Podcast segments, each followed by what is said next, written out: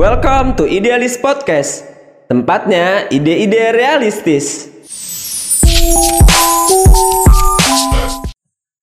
memang ya itu memang salah satu contoh baik gitu tetapi itu belum apa ya menggambarkan kepedulian pemerintah untuk uh, sektor-sektor yang lain secara keseluruhan gitu uh, karena uh, masih banyak hal-hal di sektor lain yang sebenarnya masih bisa dimaksimalkan gitu. Contohnya uh, misalkan di bidang apa kesehatan atau uh, kalau di luar negeri itu ada ada apa konsesi atau diskon buat penyandang disabilitas misalkan belanja di mall atau supermarket dan uh, ada juga seperti kayak akses makan gratis uh, ketika teman-teman disabilitas belanja di restoran tertentu tapi udah kerjasama dengan pemerintah seperti itu. Ya ini sebagai referensi lain. Hmm. baru program kerja program kerja aja gitu. Tapi nggak ada uh, pemerintah tuh hadir pemerintah tuh hadir buat masyarakat buat uh, bahasanya yang simpelnya tuh kayak bikin tagline gitu. Bikin tagline buat uh, teman-teman di disabilitas gitu. Jadi kayak tatarannya masih program kerja program kerja aja belum belum bikin tagline uh, kayak misalnya um, Indonesia ramah buat disabilitas dan dan tagline ini berkepanjangan gak cuma euforia euforia euforia aja gitu. Jadi aku belum belum nemu yang kau bisa patahkan kakiku tapi tidak mimpi-mimpiku. Kau bisa lumpuhkan tanganku tapi tidak mimpi-mimpiku. Kau bisa merebut senyumku tapi sungguh tak akan lama. Kau bisa merobek hatiku Tapi aku tahu obatnya. Manusia, manusia kuat. Halo teman-teman semua Idealis People yang senantiasa ngikutin program-program kita di podcast dan juga di artikel dan juga di akun Instagram dan akun Twitter kami. Sekarang dalam segmen di Idealis Podcast kita sudah bersama uh, narasumber dan gak dan gak ingin terburu-buru untuk mengenalkan narasumber kita dan juga nggak buru-buru untuk mengenalkan tema kita pada hari ini hmm, bersama aku. jadi gini teman-teman Idealis People yang biasanya uh, yang biasanya Azam yang jadi jadi pemandu di Idealis Podcast pakai sapaan gua lu. Nah sekarang sudah nggak berlaku teman-teman. Kenapa nggak berlaku? Karena pada hari ini pada segmen kali ini aku asik aku aku bakal bareng sama kakak-kakak yang dari Jogja.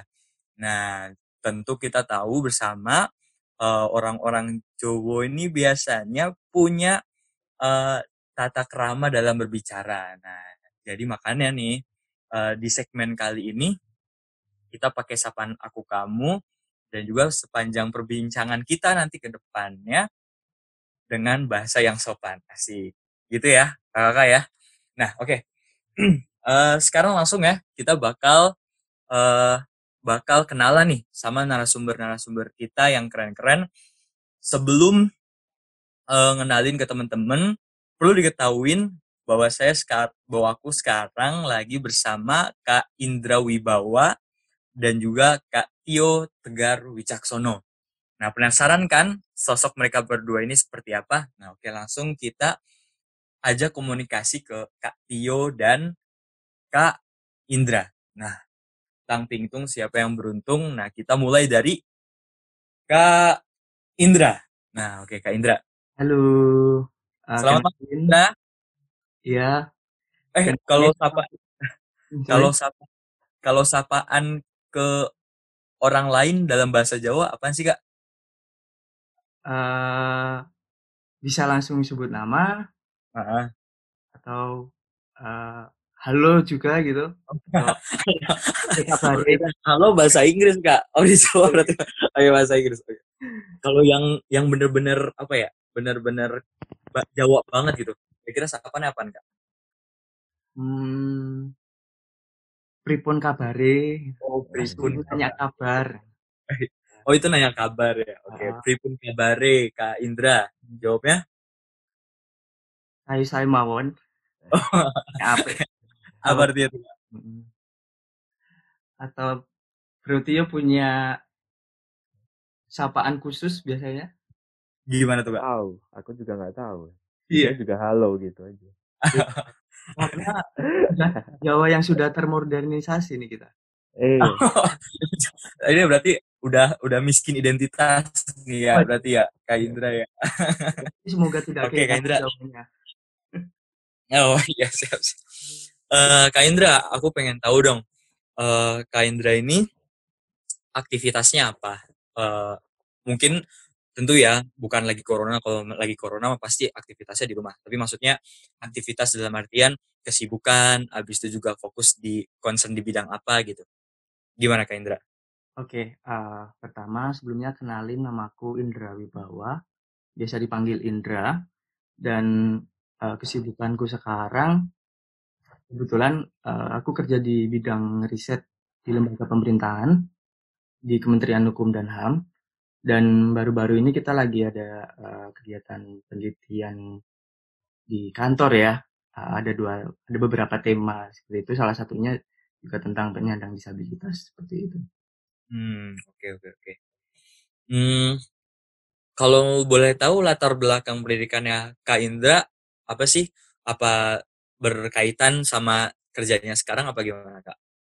Iya, kebetulan eh, lumayan berkaitan. Jadi eh, dulu aku ambil kuliah di Jogja di Fakultas eh, Visipol, jurusannya Ilmu Politik dan Pemerintahan.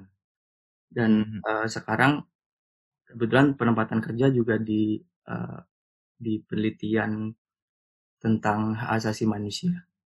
Hmm, hmm, hmm, hmm. Eh mungkin tadi kita udah menyinggung kata kunci dari tema kita yaitu apa namanya difabel ya atau disabilitas.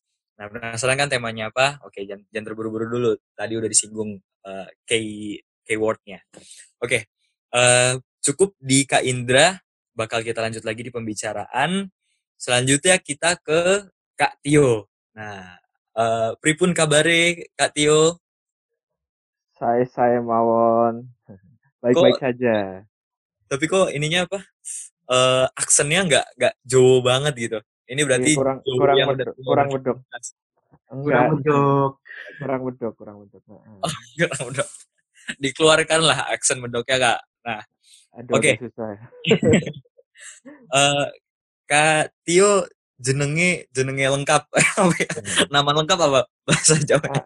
Iya, iya, benar, benar. Jauh jenenge lengkap opo? Eh, ya, eh, nama lengkapku Tio Tegar Wicaksono tadi udah di mention di awal. Eh, biasanya dipanggil Tio. Ya oke Kak Tio. Heeh. Kak Tio aktivitasnya apa kak di kesehariannya? Eh, jadi ceritanya sekarang eh, aku adalah mahasiswa tingkat akhir Fakultas Hukum UGM. Jadi Mhm. ini barusan apa? Ya sebentar lagi selesai dan eh, masih bekerja juga sebagai eh, kontributor buat eh, salah satu website eh, yang fokus di isu difabel dan juga hukum. Eh, nama Komunitas websitenya bukan bukan. Eh, jadi eh, aku bekerja sebagai jurnalis di situ. Oh, Heeh. Eh, nama websitenya solidar.id nanti eh, barangkali audiensnya Idealist Podcast ini mau mau baca-baca bisa tuh di solidar. Oke, siap. Siap, siap banget. Siap banget, Kak. Undangannya di Oh iya. Kak, tadi Iya. ngusung tema-tema apa Kak biasanya? Eh, kalau di solidar.id eh, kebanyakan soal hukum dan disabilitas. Jadi teman-teman yang belajar pengen-pengen tahu lah soal disabilitas bisa tuh kalau mau mampir ke sana. Oh iya, berarti Kak Tio adalah mahasiswa di semester semester semester akhir ya. Semoga Iya. dimudahin buat kelulusannya bisa cepet-cepet ya. Iya, Amin. Hmm, juga bisa dilancarin juga di kerjaannya. amin. Eh, tadi kita sebenarnya perbincangan kita sama Kak Tio dan Kak Indra mengenai aktivitas dan latar belakangnya sebenarnya sudah uh, menyinggung keyword kita atau keyword dalam tema kita. nah, pasti udah udah tahu kan maksud dari kumpulnya kita, maksud dari podcast kita uh, kali ini. Nah, podcast kita kali ini bawa tema yaitu kompleksitas pendidikan bagi disabilitas. Gitu ya bener ya kayak ya? dari dari pemilihan katanya atau salah? Betul temanya kayak gitu? Gak ada yang salah dengan tema ya. Oh gitu. Iya, iya. Uh, kompleksitas ya isu pendidikan bagi disabilitas di Indonesia. Nah, uh, tema yang kita usung kali ini uh, sebelum kita jauh-jauh panjang lebar, uh, mungkin idealis people, teman-teman pendengar idealis podcast, pengen tahu dulu nih, kira-kira maksud dari tema yang bunyinya kompleksitas isu pendidikan, maksudnya kompleksitas kayak gimana sih? Mungkin aku mau mulai dari Kak Indra. Gimana sih Kak maksud dari kompleksitas isu pendidikan?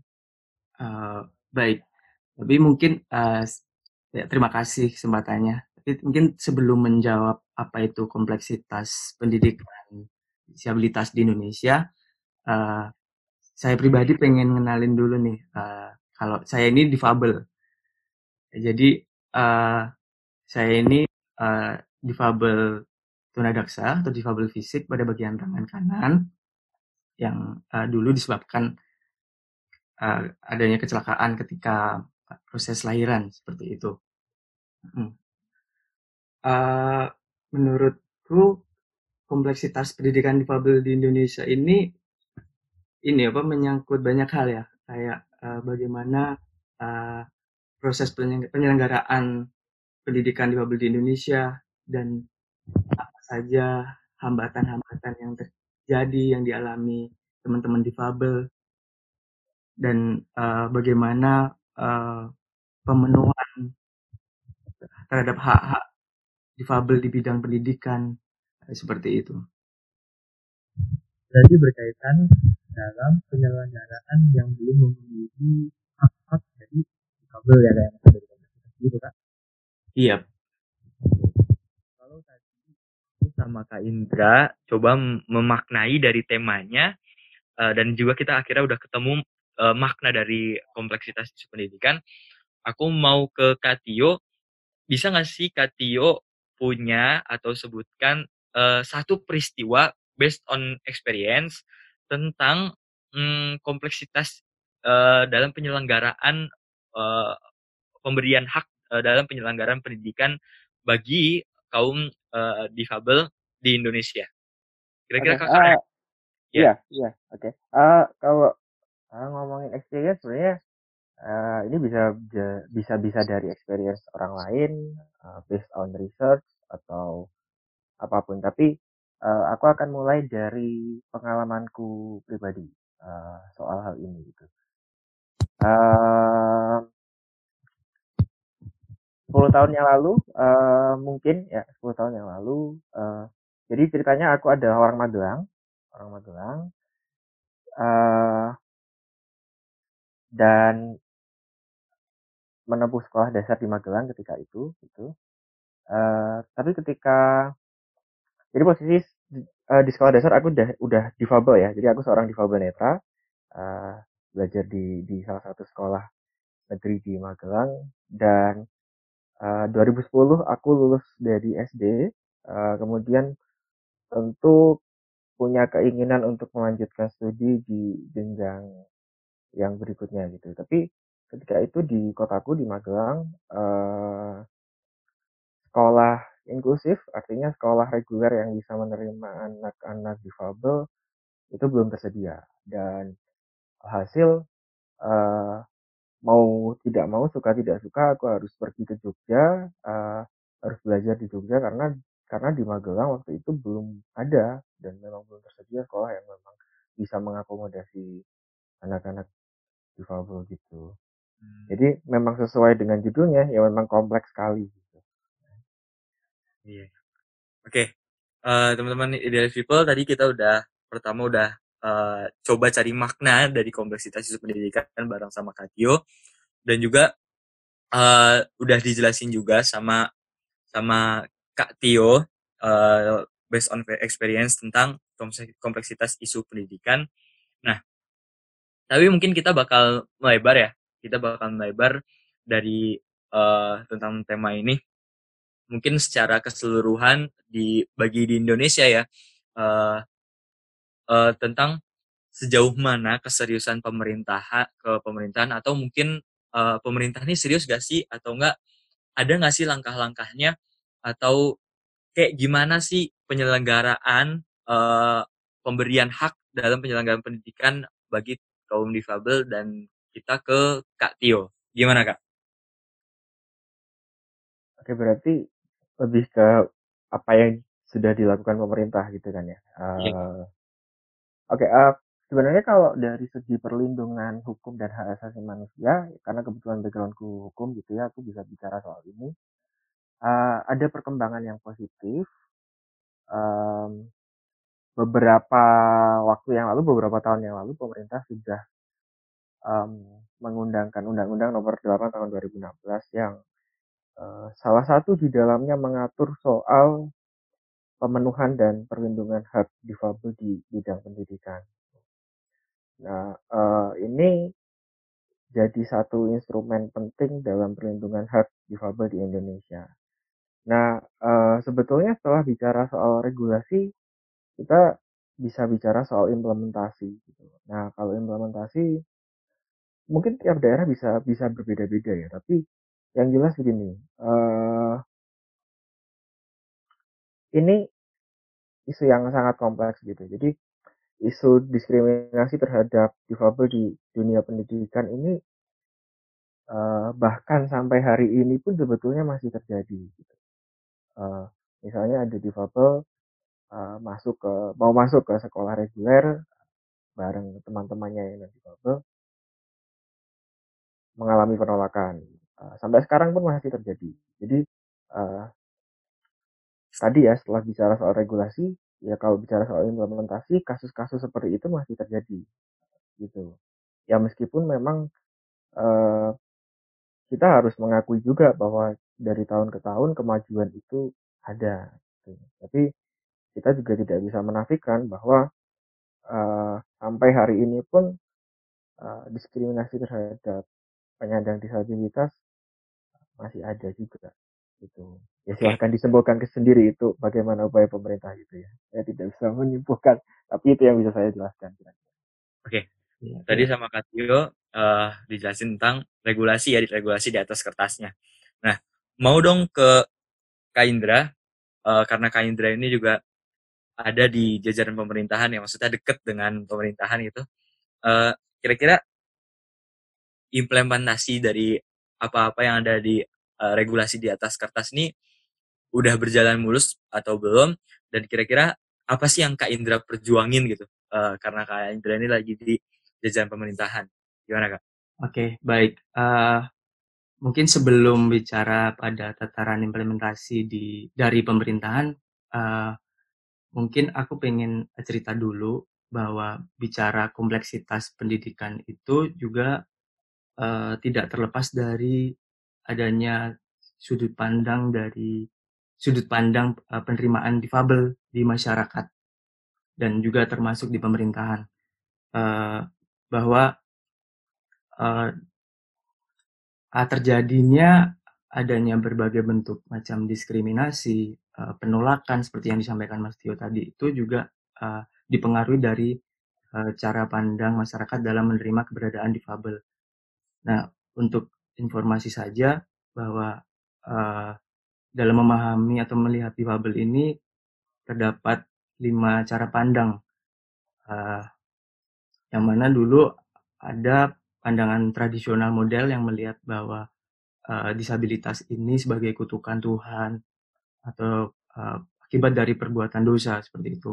Kemudian uh, seiring berjalannya waktu uh, muncul pandangan medis di mana uh, difabel ini dipandang sebagai orang sakit yang mana uh, pandangan ini berfokus untuk menyembuhkan disabilitas atau difabel yang uh, yang yang yang melihat bahwa disabilitasnya itu karena ada cacat fisik seperti itu sehingga uh, dalam pandangan ini berusaha untuk menormalkan atau menyembuhkan difabel uh, sesuai dengan apa uh, masyarakat umumnya.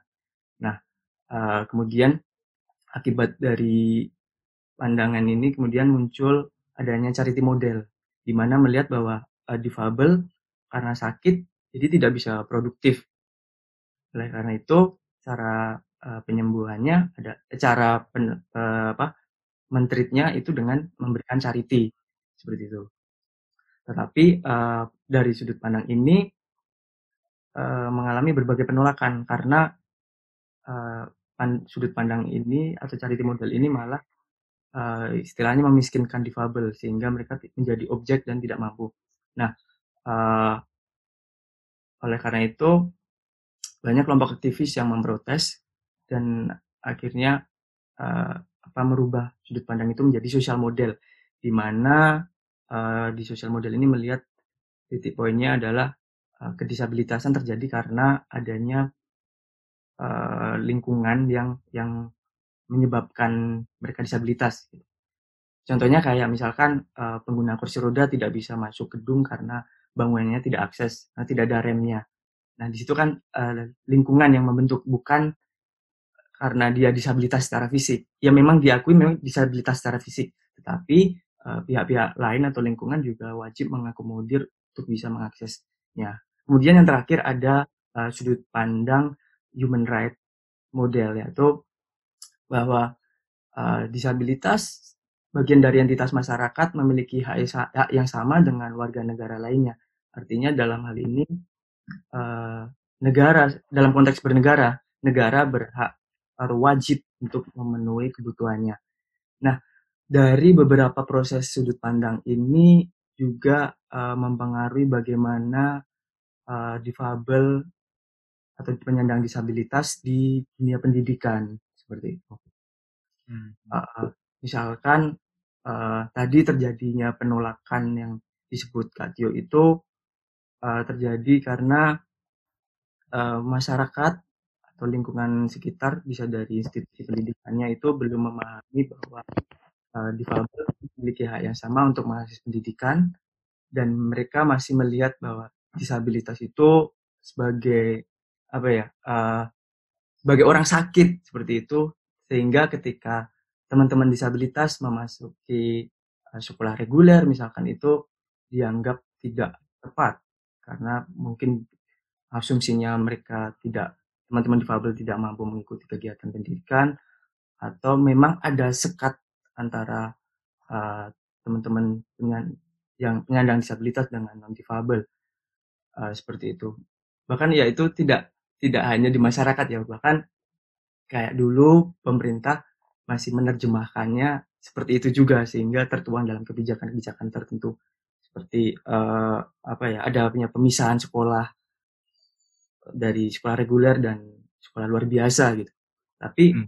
memang itu bukan hal yang negatif juga. Itu uh, bisa disebut sebagai apa tindakan afirmasi dari pemerintah untuk uh, uh, memberikan jalur khusus pendidikan untuk teman-teman difabel seperti itu. Hmm. Kemudian kalau uh, melihat uh, bagaimana sih uh, ke kebijakan pemerintah sekarang terhadap pendidikan difabel seperti itu ya. Uh, sama halnya seperti yang disampaikan Mas Tio tadi, dari tahun ke tahun pemerintah kita sudah berupaya dengan sebaik mungkin, uh, uh, di mana uh, ya di, dimulai dari diratifikasinya uh, itu UNCRPD atau Konvensi tentang Penyandang Disabilitas di PBB pada tahun 2011, kemudian diterjemahkan dalam Undang-Undang Nomor 8 tahun 2016, di mana di dalamnya itu juga mengatur tentang pendidikan. Dan uh, dari undang-undang tersebut kemudian dibuatlah peraturan-peraturan sifatnya teknis yang mengatur uh, tingkat pendidikan untuk penyandang disabilitas dari tingkat dasar sampai uh, perguruan tinggi seperti itu. Salah satunya uh, untuk regulasi perguruan tinggi itu peraturan pemerintah nomor 46 itu mengatur uh, bagaimana uh, kayak kampus atau universitas itu uh, mengakomodasi teman-teman penyandang disabilitas di pendidikan tinggi itu. Tapi hmm. memang uh, yang menjadi PR itu adalah uh, pada pada bagi, tataran pelaksanaan uh, di mana memang masih terjadi beberapa apa ya, kendala atau beberapa hal yang yang belum bis, belum belum cukup bagus dalam menyelenggarakan pendidikan tinggi. Tapi untuk apa ya so far bisa kita apresiasi sih. Hmm. Dan uh, tadi relate dengan pekerjaanku. Kalau Mas tadi bilang apa yang diperjuangkan gitu ya. Ya sebenarnya uh, memang mengalir aja gitu kan karena memang tertarik di situ dan kebetulan uh, nyemplung di bidang ini. Uh, untuk cerita aja kemarin uh, saya terlibat di kegiatan penelitian penyelenggaraan pendidikan tinggi di di perguruan eh pendidikan tinggi untuk penyandang disabilitas. Nah, uh, salah inti dari penelitian itu kita meneliti uh, tentang bagaimana pelaksanaan penyelenggaraan pendidikan tinggi bagi penyandang disabilitas di universitas.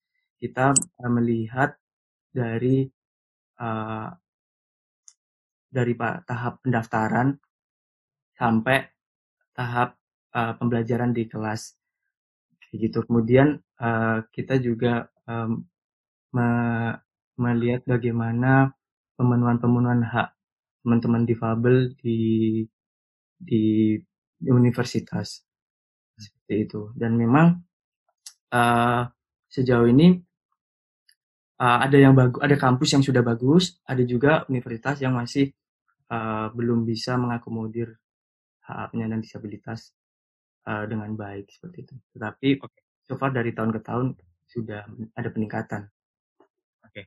berarti menurut Kak Indra dari dari pemerintah dari tiap tahun ke tahunnya ada ada peningkatan ya.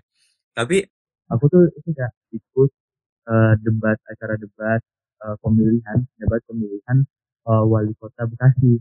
Nah, tahu aku Bekasi itu jadi salah satu kota yang gak ramah ke disabilitas. Bener kan? Bener gak gitu, Pak? Tahu aku gitu. Oh, kalau dari aku pribadi kurang tahu informasi soal itu.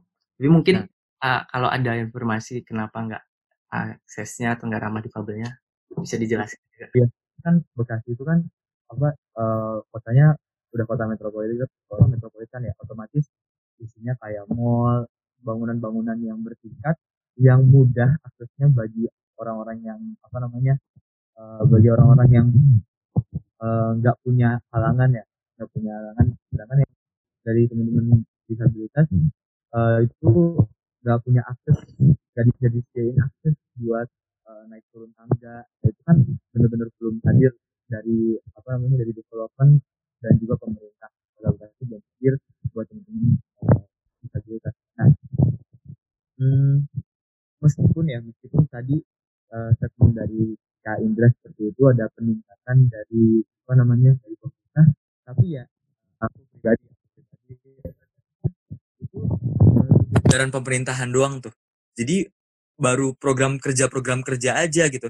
Tapi nggak ada uh, pemerintah tuh hadir pemerintah tuh hadir buat masyarakat buat uh, bahasanya yang simpelnya tuh kayak bikin tagline gitu bikin tagline buat uh, teman-teman di disabilitas gitu.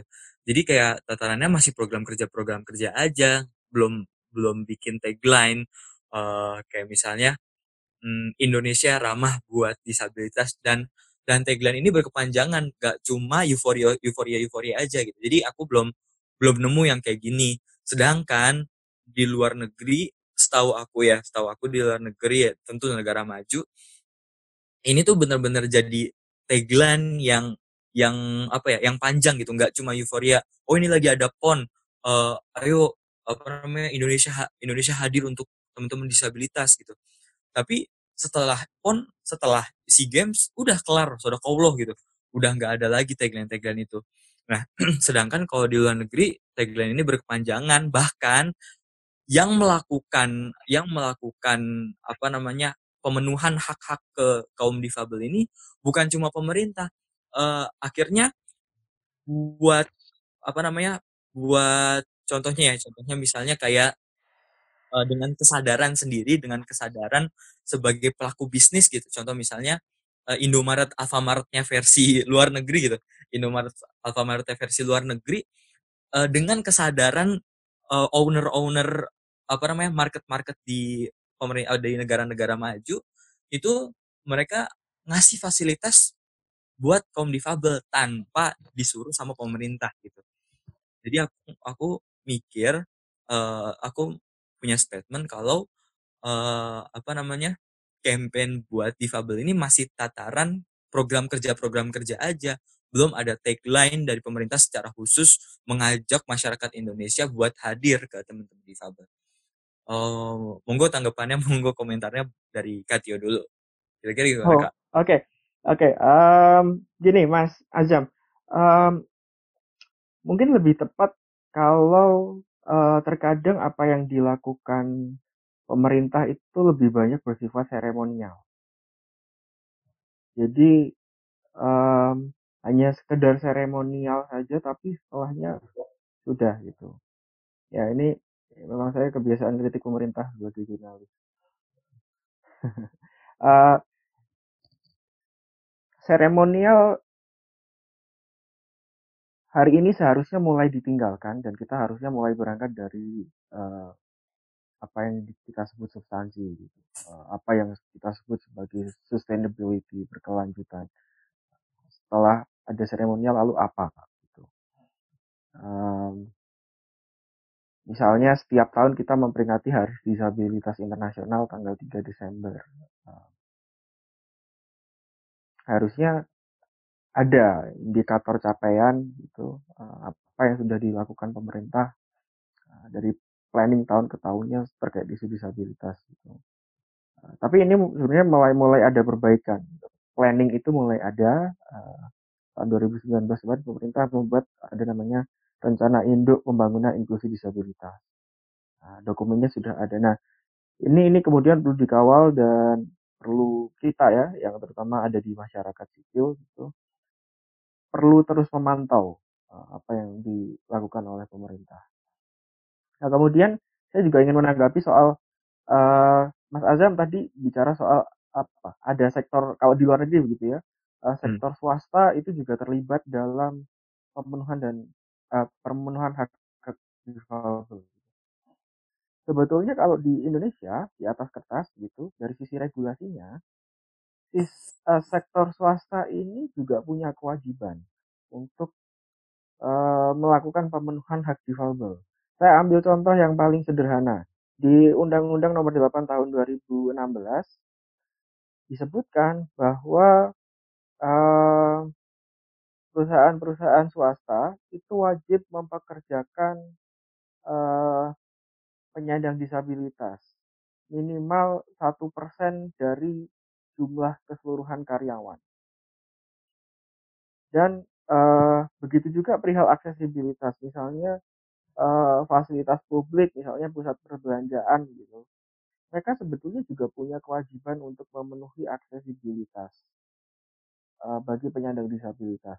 Regulasinya ada, tapi saya ingin kembali bahwa uh, ini soal enforcement gitu. Uh, penegakan kita masih menjadi PR yang sampai hari ini belum selesai. Uh, kalau tadi juga disinggung uh, Bekasi itu tidak tidak tidak ramah difabel gitu. Uh, pertanyaan saya kota mana yang ramah difabel di Indonesia? hmm, tahu saya justru ya. balik ya saya sendiri juga nggak tahu masalahnya Iya. Uh, kayak uh, jadi nggak ada kategori kota yang paling ramah buat difabel, tapi ada kategori kota yang paling nggak ramah gitu ke difabel dalam artian uh, pihak swasta dan pemerintah nggak punya uh, apa tindakan serius buat apa namanya memenuhi atau menyelenggarakan hak-hak itu dan ditambah lagi uh, kota Bekasi itu apa ya padat dengan kayak gedung-gedung bertingkat gitu. Dan gedung-gedung bertingkat ini nggak nggak ramah buat difabel. Mungkin itu sih kak yang yang membuat ya, gitu. ya ya nah sebetulnya kan uh, ini harus survei yang jelas ya harus ada research harus ada survei yang jelas untuk mengatakan kota ini uh, aksesibel bagi difabel atau tidak. Tapi asumsi saya sih kebanyakan memang tidak. Uh, nah sebetulnya paling gampang itu melihat kita harusnya melihat dari planning yang dibuat pemerintah. Jadi perencanaan, pemerintah pasti punya perencanaan terkait hal itu. Nah, uh, kita harus lihat uh, capaian setiap tahunnya apa. Ada peningkatan nggak di kota tersebut uh, terkait aksesibilitas bagi penyandang disabilitas. Itu indikator yang bisa digunakan. Kira-kira begitu. Nah, yang, yang paling mudah kita menggunakan indikator ya peraturan perundang-undangan yang ada. Kita melihat apakah itu sudah terimplementasi dengan baik atau belum. Itu sih kalau saya melihat seperti itu, Mas Azam. Oke, uh, terima kasih Kak Tio. Uh, kalau Kak uh, apa? Kan aku lupa sih namanya. Kak Indra, Indra gimana? Kak Indra. ya, uh, kalau dari aku sebenarnya hampir sama dengan Mas Tio ya. Uh, mengenai jargon inklusif, jargon soal disabilitas itu memang jangan berhenti hanya sebagai seremonial aja gitu. Tapi harus dibumikan ke dalam masyarakat kita semua sektor karena disabilitas ini kan isu bersama jadi jadi uh, tidak ada apa ya uh, jadi ini menjadi tanggung jawab bersama untuk bisa uh, apa mewujudkan inklusivitas dan uh, ramah terhadap disabilitas di berbagai sektor. Kemudian uh, aku pengen cerita soal uh, kewajiban pemerintah dalam apa tadi uh, mem memberikan fasilitas atau pemenuhan hak disabilitas di di di berbagai hal gitu. Salah satunya tanggung jawab pemerintah soal adanya konsesi untuk disabilitas, misalnya kayak pemberian diskon-diskon atau akses gratis bagi hmm. disabilitas di fasilitas-fasilitas publik gitu. Memang ini masih menjadi PR, tetapi uh, pemerintah sudah apa ya sedikit memberikan uh, kebaikannya, yaitu seperti contohnya uh, akses gratis bagi penyandang disabilitas di Transjakarta seperti itu. Memang ya itu memang salah satu contoh baik gitu, tetapi itu belum apa ya menggambarkan kepedulian pemerintah untuk sektor-sektor uh, yang lain secara keseluruhan gitu. Uh, karena uh, masih banyak hal-hal di sektor lain yang sebenarnya masih bisa dimaksimalkan gitu. Contohnya uh, misalkan di bidang apa kesehatan atau uh, kalau di luar negeri itu ada ada apa konsesi atau diskon buat penyandang disabilitas. Misalkan belanja di mall atau supermarket. Dan uh, ada juga seperti kayak akses makan gratis. Uh, ketika teman-teman disabilitas belanja di restoran tertentu tapi udah kerjasama dengan pemerintah. Seperti itu. Ya ini sebagai referensi lain. Hmm. kemudian okay. uh, untuk di sektor lainnya itu uh, kayak di sektor bisnis ada contohnya uh, aksesibilitas teman-teman difabel dalam mengakses suatu pelayanan publik. Contohnya uh, uh, kayak misalkan teman-teman disabilitas mau mengakses website, itu websitenya harus uh, akses aksesibel untuk teman-teman netra misalnya. Karena teman-teman netra kan uh, ya ini Tio ya harusnya cerita teman-teman netra kan uh, menggunakan apa namanya uh, screen reader untuk membaca entah website ataupun uh, hal lainnya yang di dari komputer gitu. Nah, uh, di Indonesia ini menurutku uh, belum belum ini sudah mengatur tapi pelaksanaannya masih belum ketat gitu. Uh, salah satu contoh yang aku tahu itu uh, di kasus di Amerika uh, ada ada perusahaan namanya uh, Domino Pizza. Domino Pizza itu pernah digugat sama uh, teman-teman difabel karena ada salah satu pelanggannya itu uh, tunanetra, dia kesulitan mengakses website itu untuk pesan pizzanya. Nah, kesulitan itu kan bagian dari ketidakaksesibilitasnya uh, hmm. web itu. Hmm. sedangkan di peraturan undang-undangnya di Amerika itu sudah mengatur uh, tentang aksesibilitas uh, ya itu website itu kayak gitu dan akhirnya digugat ke pemerintah dan dijatuhi hukuman tuh si uh, Domino Pizzanya akhirnya harus membayar denda. Nah hal, hal ini menurutku sangat positif ketika bisa diterapkan di Indonesia dan penerapannya itu memang tegas gitu. Karena karena sebenarnya regulasi di Indonesia itu sudah bagus menurutku, tapi implementasi dan sanksi Oh, iya iya iya. mengikat dan belum apa ya memaksa agar ini bisa terlaksana dengan baik. Hmm, kira-kira harus kayak gimana tuh kak biar implementasinya ada gitu? Ah kalau dari saya pribadi sih uh, mungkin harus ada ini ya uh, sanksi yang tegas sih. Hmm, ya ya ya ya. Pelaksanaan itu dan juga tadi uh, ada indikator yang harus dicapai uh, untuk pelaksanaan itu seperti yang di, dikatakan Mas Tio tadi karena uh, tercapainya indikator tercapai atau tidaknya indikator ini kemudian akan bisa apa ya diformulasikan untuk untuk menjatuhi sanksi atau bagi, atau malah apresiasi, apresiasi seperti itu begitu oke okay. oke okay. uh, tadi di poin yang Kak Indra yang apa namanya ada sanksi tegas ya tapi kalau aku pikir sendiri aku pikir pribadi aku uh, sanksi itu pasti emang itu udah jadi hal yang pasti gitu itu udah jadi solusi yang paling mutakhir lah. Nah tapi di sisi lain dari pemerintah aku mikir kayaknya emang harus punya apa ya kesadaran pribadi dari dari apa namanya dari masyarakat Indonesia sendiri gitu. Kira kira-kira kak Indra dan kak Tio punya ini enggak kak? Punya apa namanya punya ajakan atau enggak punya uh, apa ya namanya himbauan gitu buat ke masyarakat Indonesia gimana caranya melakukan hal-hal kecil yang di situ tujuannya untuk uh, apa namanya hadir buat teman-teman difabel. Kalau aku pribadi nih kayak kalau aku pribadi uh, aku aku ngelakuin hal kecil dengan ini uh, Kak Tio sama Kak Indra tau tau nggak di Jakarta yang sunyi sunyi cafe oh. sunyi cafe yeah, sunyi yeah, nah yeah. itu itu aku benar-benar interest banget sama uh, apa namanya konsep cafe yang kayak gitu. Ya dengan datang ke cafe itu meskipun sebenarnya mahal tau kak. Asli sebenarnya mahal. Tapi ya ya nggak apa-apa lah gitu. Nah itu hal-hal kecil yang mungkin aku ingin lakukan. Hmm, kira-kira Kak Tio dan Kak Indra uh, punya saran apa punya uh, apa pikiran apa buat teman-teman idealis people uh, pendengar idealis podcast harus kayak gimana sih ngelakuin hal-hal kecil buat uh, hadir ke teman-teman difabel gimana mungkin mulai dari Kak Kak Indra lagi deh Indra oke okay.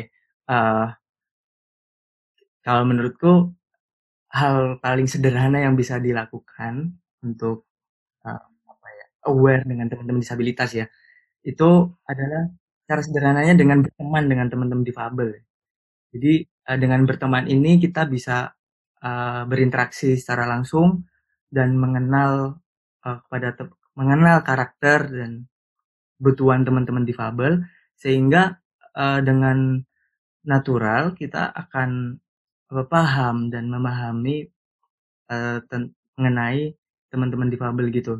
Dan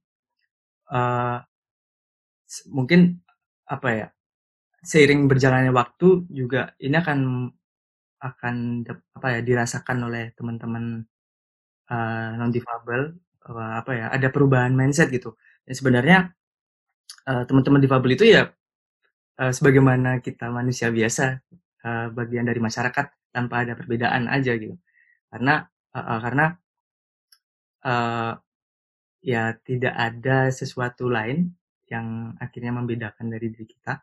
Karena uh, karena kita ya sebagai manusia biasa aja gitu.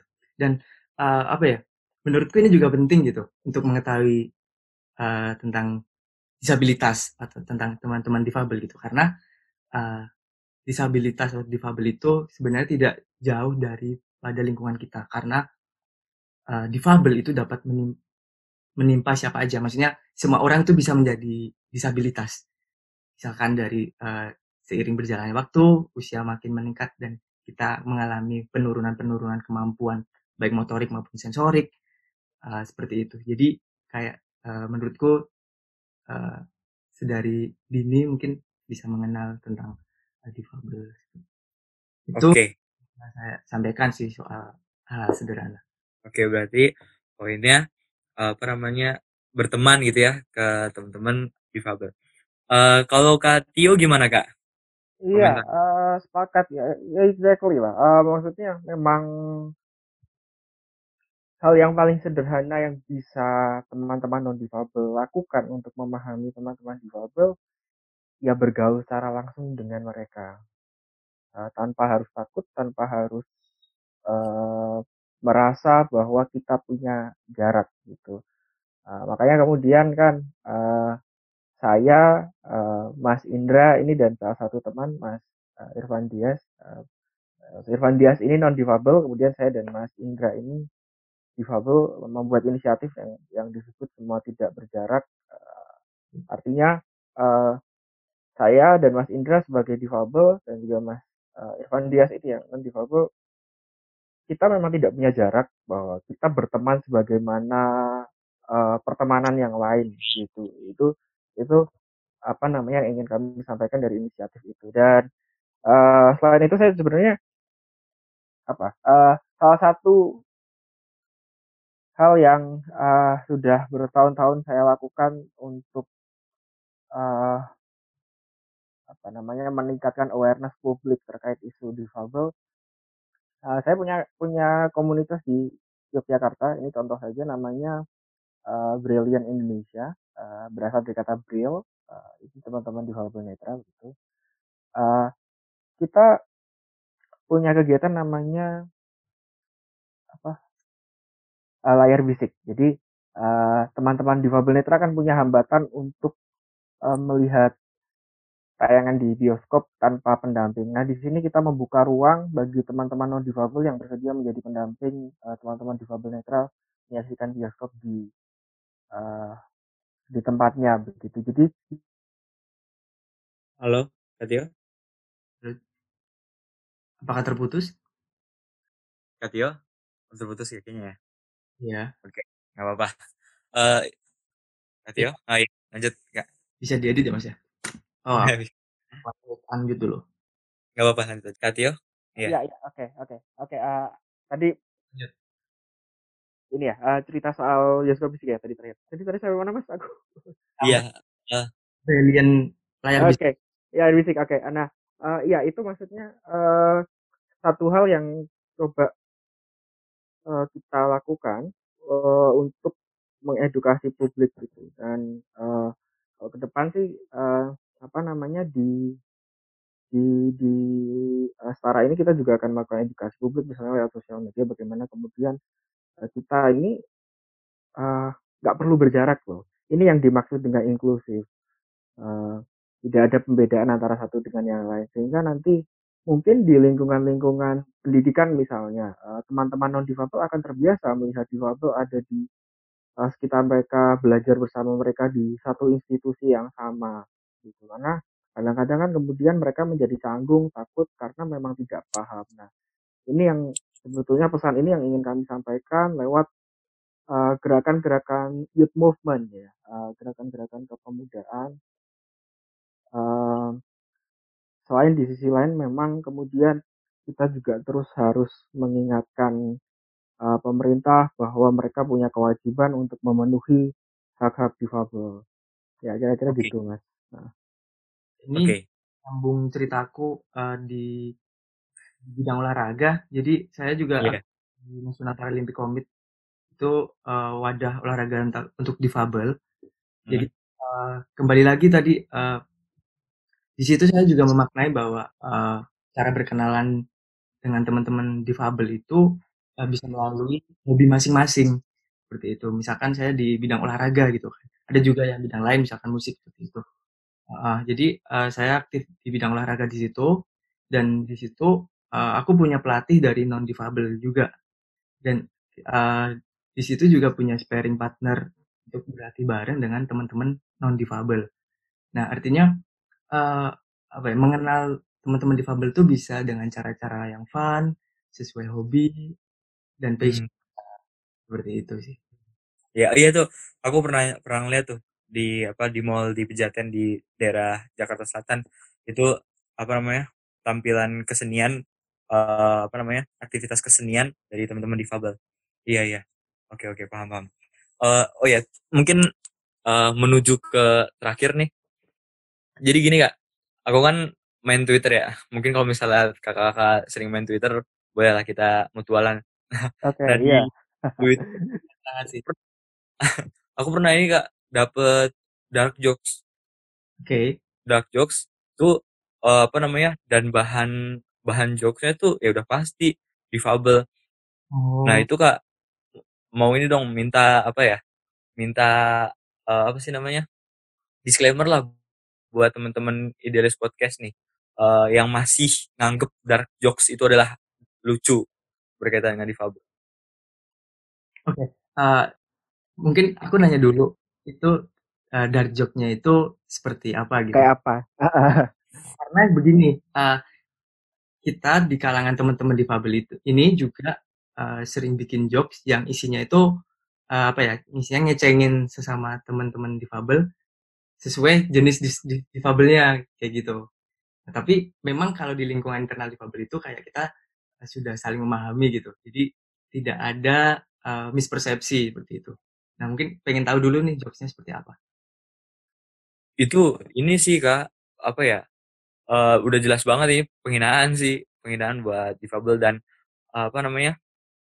Yang si bikin dark jokes ini pas- pasti dia bukan bukan difabel gitu kak.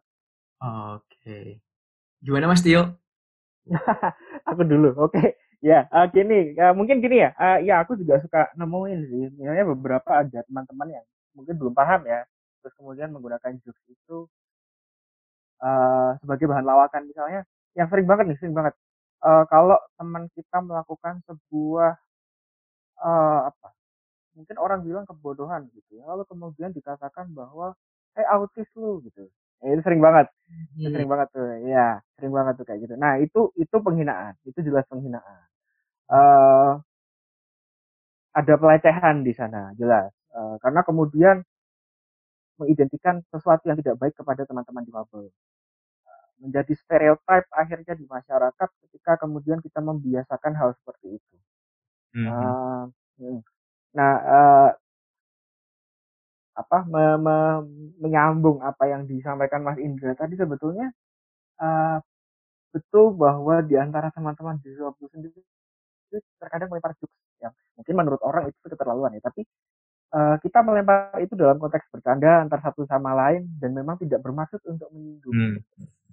Ya misalnya misalnya begini, em, apa misalnya eh, saya dengan teman saya begitu ya eh, bareng-bareng naik mobil terus teman saya bilang eh lu aja yang nyetir mobil gitu kan nggak Hmm. mungkin saya nyetir mobil tapi itu konteksnya bercanda itu konteksnya betul-betul Betul. bercanda artinya eh, dan kita memang terbiasa melakukan itu gitu. ada ada memang memang memang konsennya seperti itu tapi Hmm. berbeda dengan memang konsepnya kayak penghinaan seperti tadi gitu ya. atau Hmm. yang sering misalnya eh, kalau kita tidak paham sesuatu membaca sesuatu kemudian kita dibilang oh anda disleksia ya nah itu jelas menghina Hmm. itu jelas menghina karena kemudian mengidentikan sesuatu yang buruk gitu ya dengan eh, teman-teman difabel padahal realitanya tidak seperti itu gitu. Hmm. tidak bisa membaca itu bukan berarti kemudian disleksia dan disleksia juga bukan berarti tidak bisa membaca Iya. atau kemudian ketika kita mengatakan orang lain autis sebetulnya anda paham nggak apa yang dimaksud autis gitu itu itu yang kemudian perlu diluruskan di kehidupan kita Hmm, iya. Eh, masih ingat gak kakak yang ini? Yang salah satu pemenang apa gitu, pemenang apa. Nah pokoknya pas di wawancara sama TV One, itu jawabnya ngelantur. Jawabnya ngelantur, apa namanya? Beli truk atau enggak apa gitu. Masih ingat gak kak? Eh, Yang yang mana aku nggak tahu nggak tahu ah mau beli truk, pokoknya apa gitu. Nah ini di wawancara TV One, eh, yang si yang diwawancarin ini autism, autis. Nah Hmm. apa namanya? Terus eh, jawabnya tuh ngelantur. Hmm. Oh kakak nggak tahu ya? Itu nggak tahu nggak tahu lumayan viral tuh yang apa namanya? Nggak tahu ah males mau beli truk aja gitu. Nggak tahu ya? nggak tahu nggak tahu Nah, itu tapi nggak ya. nggak tahu detailnya pernah ingat tapi Iya. iya iya Iya itu itu lumayan viral di di Twitter bahkan sampai salah satu temen aku bikin snap WA yang intinya kayak apa namanya ngeber, ngebercandain hal itu gitu. Ya udah lu langsung aku bales snap WA-nya autism autism isn't a joke. Nah jadi kalau aku pribadi ngelakuin hal-hal yang apa yang kecil dengan gitu dengan ngingetin temen aku misalnya. Em, ke Kak Indra. Kak Indra kira-kira ada nggak sih Kak eh, apa namanya hukuman hukuman penjara eh, buat teman-teman yang ngejadiin difabel sebagai joke. wah berat ini jawabnya bukan kapasitasku menjawab ini tapi kalau misalkan memang memungkinkan ada bagus karena Mhm. sebenarnya eh, apa ya perendah perendahan atau per, atau peremehan ke orang lain itu kan sudah diatur di undang-undang ya yang mana adanya apa ya jokes yang sifatnya negatif atau merendahkan seseorang khususnya tadi difabel ini kan juga eh, dianggap sebagai hate speech. Dan itu sudah diatur di UU ITE ya? Iya iya iya itu tahu detailnya. Dan menurutku itu sanksi yang bagus sih karena ya itu juga sebagai cara kita untuk mengedukasi dalam bertata krama dalam menghargai sesama. Seperti itu sih Hmm, Oke. Eh, kita udah sampai di penghujung. Aku mau ke Katio. Eh, statement terakhir dari Katio untuk menumbuhkan kesadaran-kesadaran kecil ke teman-teman aku, ke teman-teman idealis pendengar idealis podcast untuk gimana untuk menumbuhkan eh, keinginan atau kesadaran untuk hadir eh, ke teman-teman difabel. Silakan Katio. Oke, eh, gini deh. eh, saya justru memulai ini dari pertanyaan. Eh, kenapa kita harus peduli terhadap isu difabel? Eh, jawabannya sederhana, karena eh, difabel atau disabilitas ini bisa terjadi terhadap siapa saja, bisa terjadi kepada orang terdekat kita, bisa juga bahkan terjadi kepada diri kita sendiri.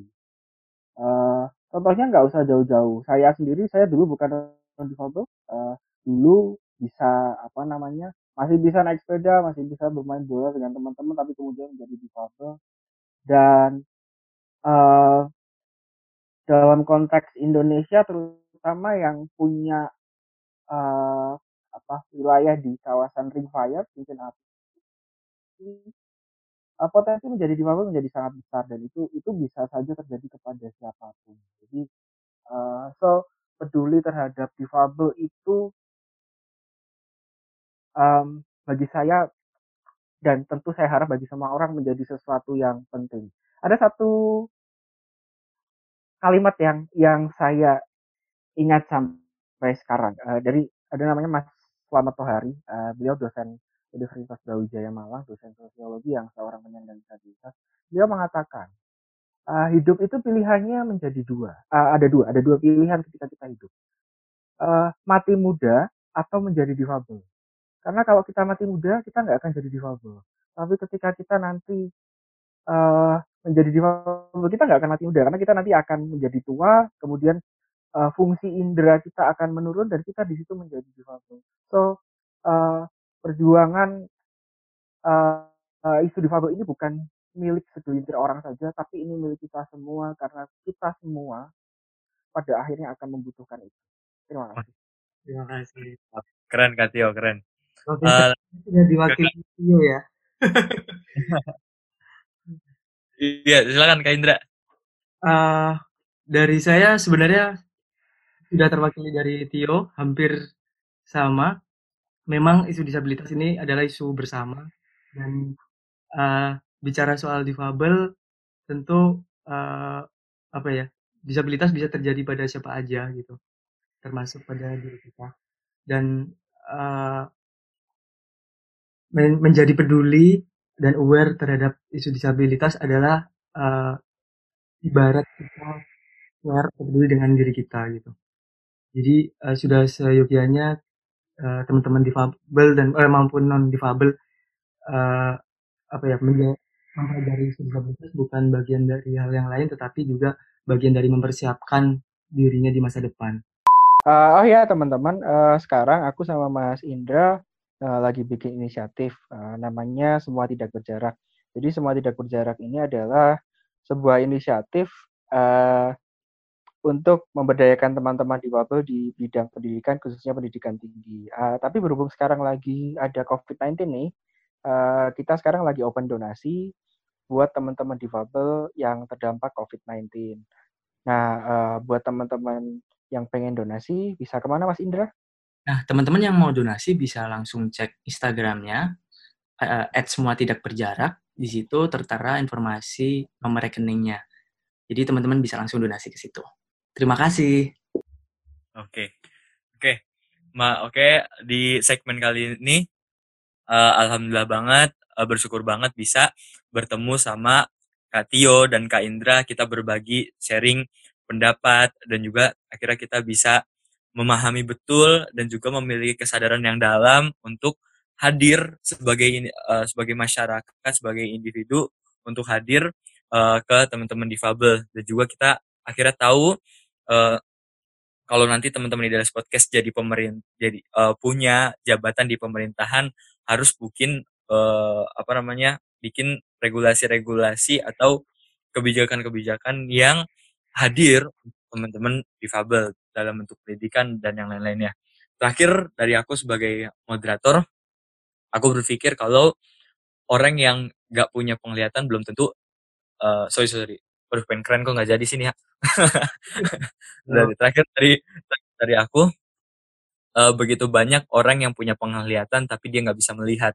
Begitu banyak orang yang memiliki pendengaran, dia nggak bisa mendengar lantaran dia memiliki disabilitas yang membinasakan.